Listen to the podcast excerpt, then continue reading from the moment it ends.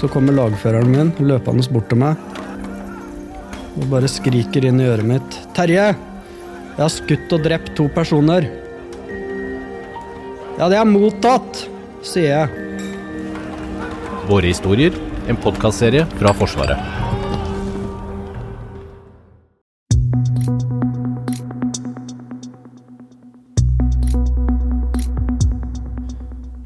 Vinteren har kommet til krigen i Ukraina. Langs fronten sitter nå russiske soldater i kalde og gjørmete skyttergraver. Men har de klær og utstyr nok til å holde ut gjennom hele vinteren? Og kan kulda rett og slett være en fordel for ukrainerne?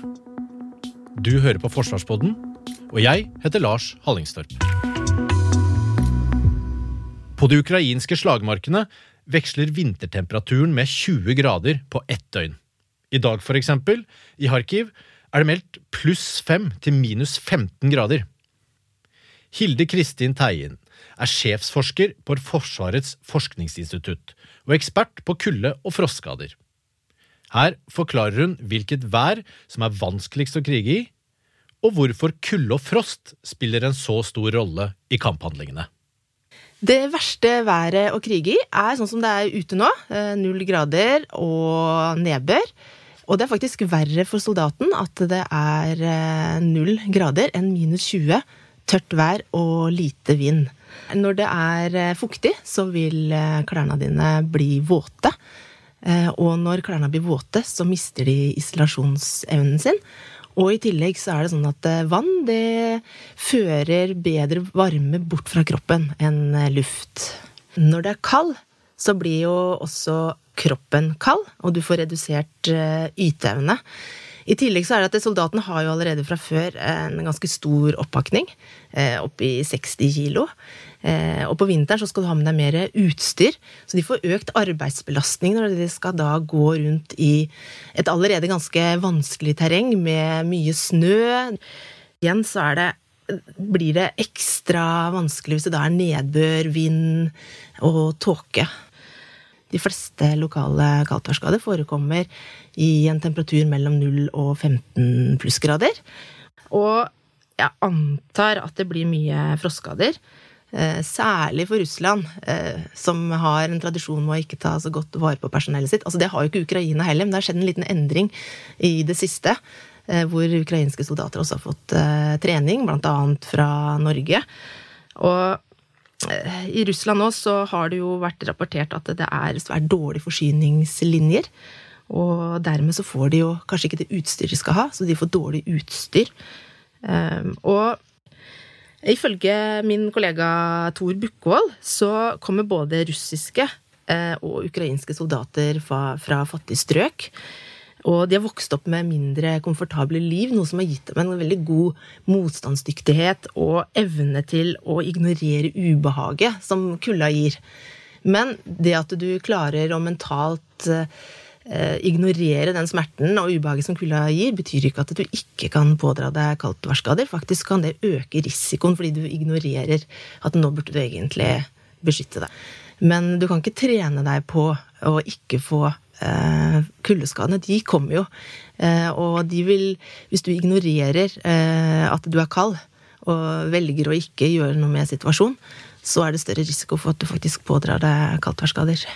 Eh, Men jeg har lest en artikkel og hørt en presentasjon om at forskere har tilbake i mars 2022 brukt matematiske modeller for å se på og analysere og kunne si noe om hvor godt eh, beskytta utstyret de russiske soldatene er. Og da ut ifra bilder på internett så kan det ifølge Potter se ut at russerne kun til en viss grad bruker den russiske vinterbekledningen sin. Og det er lite sannsynlig at de bruker eh, et komplett sett. Det kan se ut til at de bruker tynne hansker og tynne feltstøvler, altså ikke vinterstøvlene sine. Og dette støttes også av media, som eh, har rapportert at russiske soldater eh, prøvde å få tak i ukrainske feltstøvler i, tilbake i mars eh, 2022. Det var eh, Hilde Kristin Teien som fortalte oss om eh, kulde og frost i krig. Og oberstløytnant Geir Hågen Karlsen, du er hovedlærer eh, på stabsgården. Kan ikke du forklare oss hvordan er det å krige i Ukraina nå? Det er ikke bare fienden som tar livet av deg, men du, du, i verste tilfelle så fryser du i hjel. Hvis du blir skadd og liggende, eller hvis du, liksom, hvis du blir låst fast et sted. Da? Du kommer ikke videre. Fienden driver og skyter på deg, du kommer ikke videre.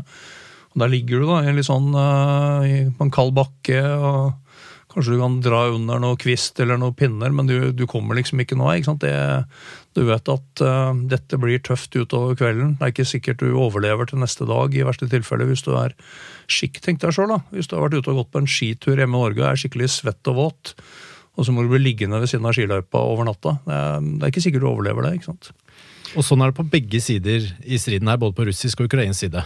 Ja, ja. Det, vinteren er uh, like krevende for alle. Vi, vi, ser jo det på Vi er jo liksom vant til vinter og ser ikke på det som noe sånn Ja, vi vet det er krevende, du skal være forsiktig for å unngå frostskader, men, men, vi er jo vant til det, ikke sant? Og, og det er jo kanskje disse her òg. Men se på britene, eksempel. De Royal Marines trener jo veldig mye i Norge, men de trener jo jungel, og de trener i ørken og veldig mange andre steder. Men det er litt sånn at uh, Klarer du deg i Nord-Norge om vinteren når det er kaldt, og ofte på kysten hvor det ikke bare er kaldt, men plutselig så blir det veldig vått og mye vind, ikke sant? så klarer du nesten hva som helst. ikke sant?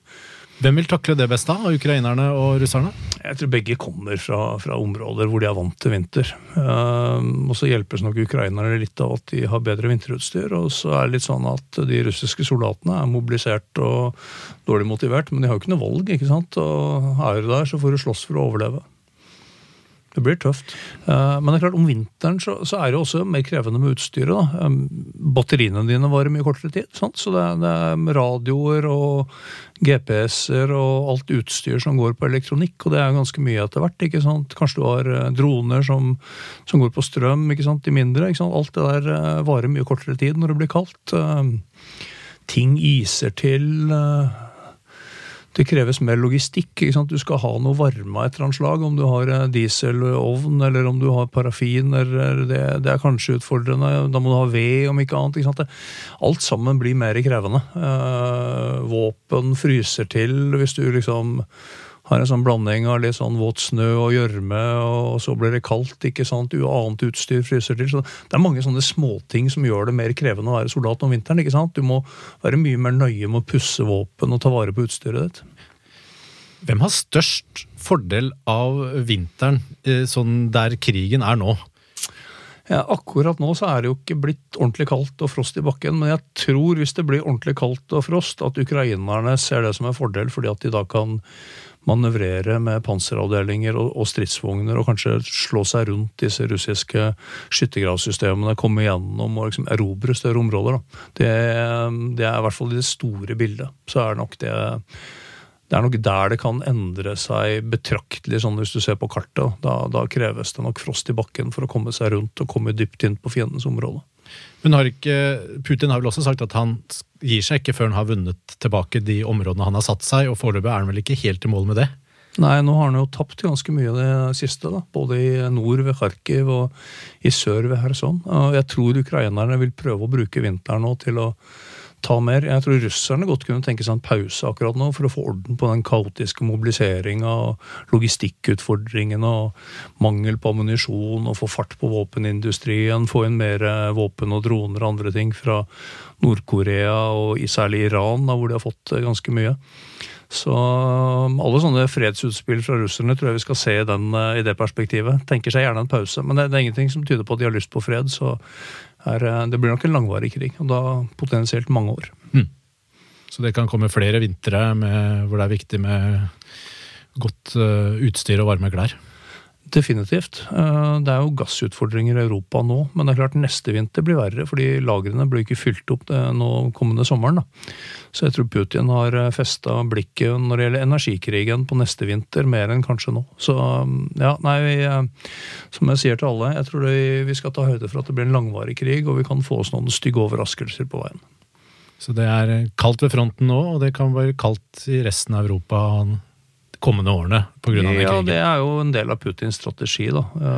Det som britene gjerne omtaler som eat or heat. ikke sant? Når pengeboka er tom og du må velge mellom mat og, og fyring. ikke sant? Når inflasjonen og mat- og energiprisene har blitt så høye. Så er nok håpet da i det store bildet at det skal føre til sosiale og politiske protester, og kanskje vilje i Vesten til å inngå et eller annet kompromiss som kanskje ikke ukrainerne ønsker, men som gagner russerne. Kan du si noe mer om eller vet vi noe mer om hva slags utstyr eh, russerne har? I mange tilfeller så er det sånn at uh, de har måttet kjøpe sitt eget utstyr og fått utdelt kanskje noen gamle uniformer. og, og blitt oppfordra til å kjøpe, kjøpe egne støvler, kjøpe varme klær, kjøpe sovepose, kjøpe uh, sanitetsutstyr. For de har ikke fått det. Logistikken er elendig. Korrupsjon har sikkert gjort at mye har forsvunnet på veien. Så, så jeg tror det svaret på det er veldig varierende. Og så har du ukrainerne, da, som jo har da fått noe utstyr fra resten av Vesten. Um, men er det bra nok, og er det nok? Nei, Det blir aldri nok, det kan du være helt sikker på. Det blir aldri nok, ikke sant. Det slites ut, det blir ødelagt. Og du skal ha nye soldater i fronten. Så, men, men, det er litt sånn Hva er viktigst for ukrainerne akkurat nå? Jo, luftvern er helt kritisk viktig for å beskytte befolkninga i byene. Der utsettes de for terrorbombing hver dag. Eh, så ønsker de seg enorme mengder med ammunisjon. Det er en begrensning. Altså, vi er inne i en industriell krig. Det gjelder å produsere nok ammunisjon, våpen, men særlig ammunisjon. Fordi at det forbrukes så enormt mye. Altså de enkelte områder så bruker de mer på en dag i Ukraina enn en større vestlig nasjon bruker på et helt år på øvelser. ikke sant? Um, så, så, det er sånn snakk om prioriteter, og så ønsker de seg stridsvogner og pansrede kjøretøy for å, fordi du trenger det for å gjenerobre disse områdene. hvor Det er jo åpent og ganske flatt de fleste stedene, særlig i forhold til Norge. Det er ikke, det er ikke sånn paddeflatt overalt, men, men um, det er terreng hvor det er nødvendig med pansrede kjøretøy og, og stridsvogner. ikke sant? Så det er en lang liste med ønsker. Du får aldri nok i krig. Vi får jo ikke nok til daglig hjemme i Norge og i en krig, så det er ikke snakk om å ha nok. ikke sant? Det er snakk om har du et minimum for å klare deg videre.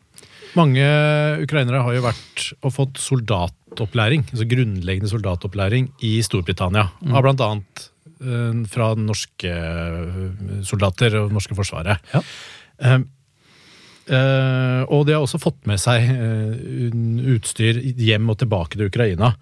Hvor avgjørende tror du det er for Nei, å takle altså, vinterkulda? Ukrainerne har jo veldig mye folk, ikke sant? Så, så de som blir sendt på trening, f.eks. nå som vi trener med britene blant annet, og det skjer i Polen og Tyskland, det skjer ganske mange steder etter hvert.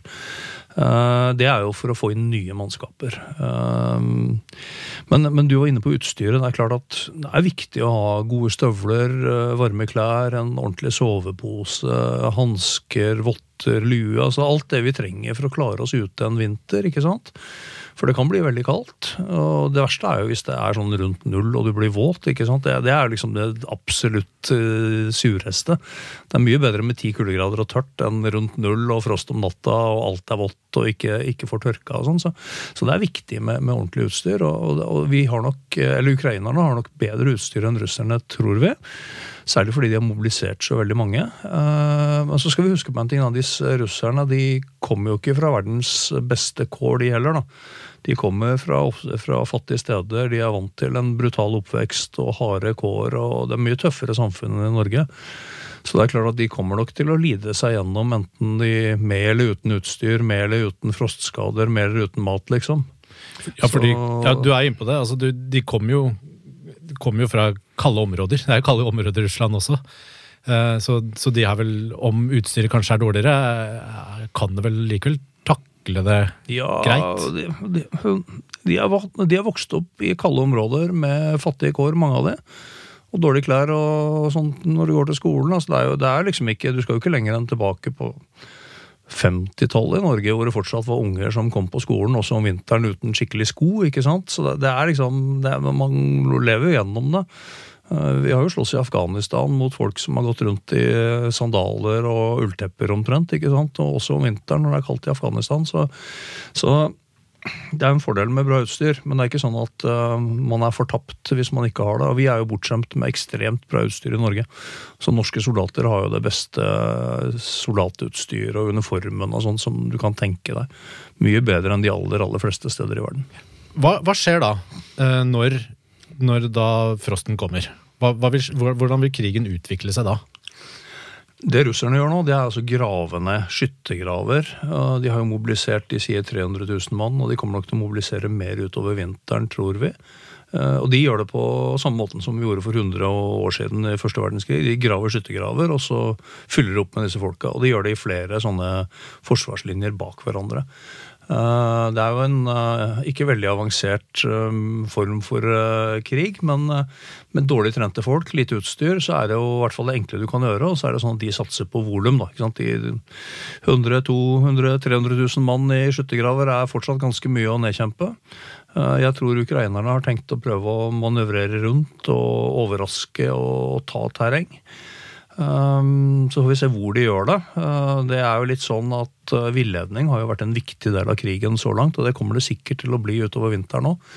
De prøver å gi inntrykk av at de angriper et sted, og så kommer de plutselig et annet sted. Så jeg skal ikke spå noe. Det er jo En av liksom, mulighetene er at de angriper rett sørover og kutter kystlinja på Azovhavet. Et sted mellom Mariupol, den byen med det store stålverket som ble ødelagt her før sommeren, og liksom landbroa til Krim, f.eks. Det ville gjøre det veldig vanskelig for, for russerne. på De blir avskåret. Men samtidig så er jo det Da har de jo en frontlinje på kanskje 100 km på både høyre og venstre flanke, disse ukrainerne. Så det, det er en krevende operasjon. Vi får se. Eh, Det blir spennende. Du sa russerne nå graver seg ned, sånn som vi har sett bilder fra så langt tilbake som første verdenskrig. Hvordan er livet nede i den skyttergrava? Det er ganske stusslig. Uh, altså, du kan jo tenke deg, du, og noen har sikkert sett bildene, ikke sant? du graver deg ned på et jorde. Eh, det har vært mye regn det siste, så, så ofte så er det skikkelig gjørmete. Og hvis du ikke har hatt byggematerialer i bånn der, så du liksom klarer å lage litt drenering og noe å stå tørt på, så, så står du og vasser i, i kald gjørme. Um, Det virker som de er dårlig utstyrt, mange av disse russerne. Og noens rapporter sier at de blir bare sendt av gårde et sted med melding om å grave, og så er det litt sånn uh, fiks sjæl. Um, og så blir de utsatt for artilleriangrep, da. Og det er jo derfor disse skyttergravene er så viktige. ikke sant? For det um, artilleriet som, som tar livet av nesten alt av folk. Det det er ikke sånn som kanskje folk tror fra, fra krigsfilmer, at du blir skutt med geværkuler, liksom. Men nei, det er artilleriet som, som tar livet av dem, og stridsvognskanoner og, og tunge våpen. da. Um, så det er, det er viktig å ha den beskyttelsen som du får i en sånn skyttergrav. Og så er det litt sånn at hvis granaten treffer oppi skyttergrava, så er det jo slutt.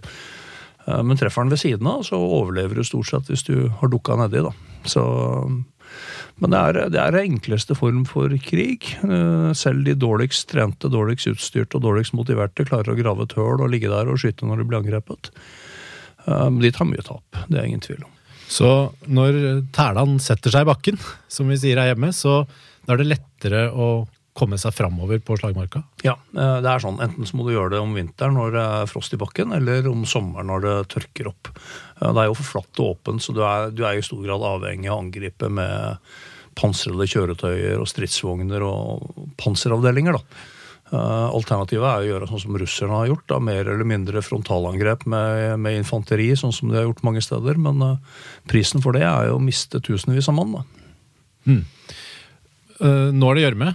Eh, Hvordan blir det disse skyttergravene når eh, frosten eh, kommer? Ja, det, På en måte så blir det bedre, for det blir liksom fast grunn og raser ikke ut. Det er så vått og sånn, men det forutsetter jo at du har muligheten, at du har ved eller Det er sannsynligvis vedfyring, tenker jeg, noe improviserte ovner og sånn. At du får tak i det, sånn du klarer å varme deg. Eh, Utfordringen nå er jo også at droner er jo blitt mye mer eh, brukt. Ikke sant? Så det, det er jo lett å se av varmen og røyk og, og lys og sånn fra, fra hvis du fyrer. da, ikke sant? Så, så det er mange ting som er utsatt. Da må du liksom prøve å lage en overdekning. ikke sant? Eh, Sånn Gamlemåten å gjøre det på var jo å legge tømmerstokker og så stein oppå. Så, og så må du selvfølgelig ha noe plastikk og noe sånt som gjør at det ikke lekker gjennom. Da. Eh, Men det forutsetter at alt dette her er tilgjengelig der du er. Da. Eh, Det, er litt sånn, det virker som det er dårlig planlagt fra russisk side. Så, og jeg har sett en del bilder og rapporter tilsier at dette det er ikke noe, det er ikke noe fest. Det er skikkelig stusslig. og Dårlig ledelse, dårlig motivasjon, lite mat, lite ammunisjon. Rapporter om at liksom 30 mann blir sendt av gårde med noen få spader og melding om å grave seg ned. liksom, Og så er det litt sånn ja, men faen, hva Grav dere ned der, ikke sant? Og det er ingen som helt vet liksom, hvor er forsvarsplanen eller noe som helst. ikke sant? Og hvis ukrainerne finner de før de har gravd seg ned, så, så blir det jo gjerne store tap på artilleri. da. Så, så det er en, eh, dette er en blodig krig. Det dør fort. Hva vet jeg, hundre, kanskje flere hundre hver dag på de dårligste dagene, og mange skadde. Når da kulda kommer, og de russerne ligger nede der, og det er blitt kaldt nok til å få fram infanteri fra ukrainsk side for å gjenvinne territoriet, Ja. blir det sånn som vi da har sett det fra første verdenskrig? At man ruller over? Så, sånne lange Sannsynligvis så vil de jo da starte med artilleribeskyting ikke sant? for å prøve å redusere styrken. Og hvis de er flinke, så klarer de å koordinere artilleribeskyting med angrep med stridsvogner og pansrede kjøretøy. da. Og Da gjør du det sånn at du skyter med artilleri til helt til dine egne styrker er helt inntil. Men det krever at du koordinerer, at du har godt samband, og sånn at du vet at du stopper artillerilen før du kjører inn i det selv. Da? Så, så det krever trening, og det krever sam, sambandsutstyr og, og koordinering. Eh, Og så ruller du da over med pansrede kjøretøy, og, og så sitter jo gjerne eget infanteri i, i stormpanservogner. Da er de beskytta mot russisk artilleri. ikke sant? Og Så laster du ut, og så rydder du skyttergravene når du kommer dit. Um, Det er liksom sånn vi øver på at vi skal gjøre det. Uh, Men det er krevende. Krever mye trening. Krever ledelse og planlegging. Erfarne offiserer og brukbart trente soldater. Så det, det vi så når de to ganske store områder ved Kharkiv nord, ganske langt nordøst her på slutten av sommeren, det var jo at de tok sannsynligvis de beste pansrede brigadene sine, best trente, og så overførte de dit og angrep veldig plutselig. da. Så overraskelse vil også være viktig. Og så er det mer sånn, Dette er det som skjer akkurat ved fronten. ikke sant? Men det liksom, russerne har jo da flere sånne linjer med skyttergraver etter hverandre. ikke sant? Så, så det er liksom, eh, det er jo ikke over da. ikke sant? Da har du kanskje to linjer til. Hvis de er godt etablerte, så klarer jo disse forskjellige eh, skyttergravsystemene å støtte hverandre, men det, det krever at du har gjort en ordentlig planlegging, og det er litt i tvil om de virkelig gjør det. Det virker litt mer tilfeldig. Og de har nok stor mangel på erfarne offiserer til alle disse folka som de har mobilisert nå. Uh, og så hender det at uh, man setter inn motangrep, ikke sant. Så, så dette her er, dette er ikke enkelt. Det, det er krevende. Hvor lenge varer vinteren i disse områdene? Mars-april, det kommer litt an på. eh, Men da får du gjerne sånn mars-april mars-april, så begynner det å bli veldig veldig vått når det tiner. Eh, Folk har kanskje sett disse bildene fra, fra når krigen eh, her i vår, ikke sant? Hvor, eh, hvor russerne sto liksom med stridsvogner og, og panserkjøretøy langt nede i gjørma. da, da er det litt sånn at da, da er det vanskelig. ikke sant? Da er det stort sett asfalterte veier som, som er bra, kanskje noen av grusveiene, og så blir de veldig gjørmete hvis du kjører med tunge kjøretøyer. Så da, da stopper det fort litt opp, da. Og Da blir det skyttergravskrig fra hus til hus, og fra liksom ta landsbyer og rykke fram eh, smått. ikke sant? Og det er jo det vi ser, da. Det slåss jo over eh, kanskje 1000 km, nesten 1000 km frontlinje, ikke sant? uten at det nødvendigvis flytter seg så veldig mye. Men det dør jo masse folk hver dag. Du har hørt på Forsvarspodden. Hvis du abonnerer på oss, dukker nye episoder opp hver fredag på telefonen din eller der du lytter til podkast. Forsvarspodden lages av Hege Svanes, Thomas Haraldsen, Fredrik Tandberg, Jørgen Lyngvær og meg, Lars Hallingstorp.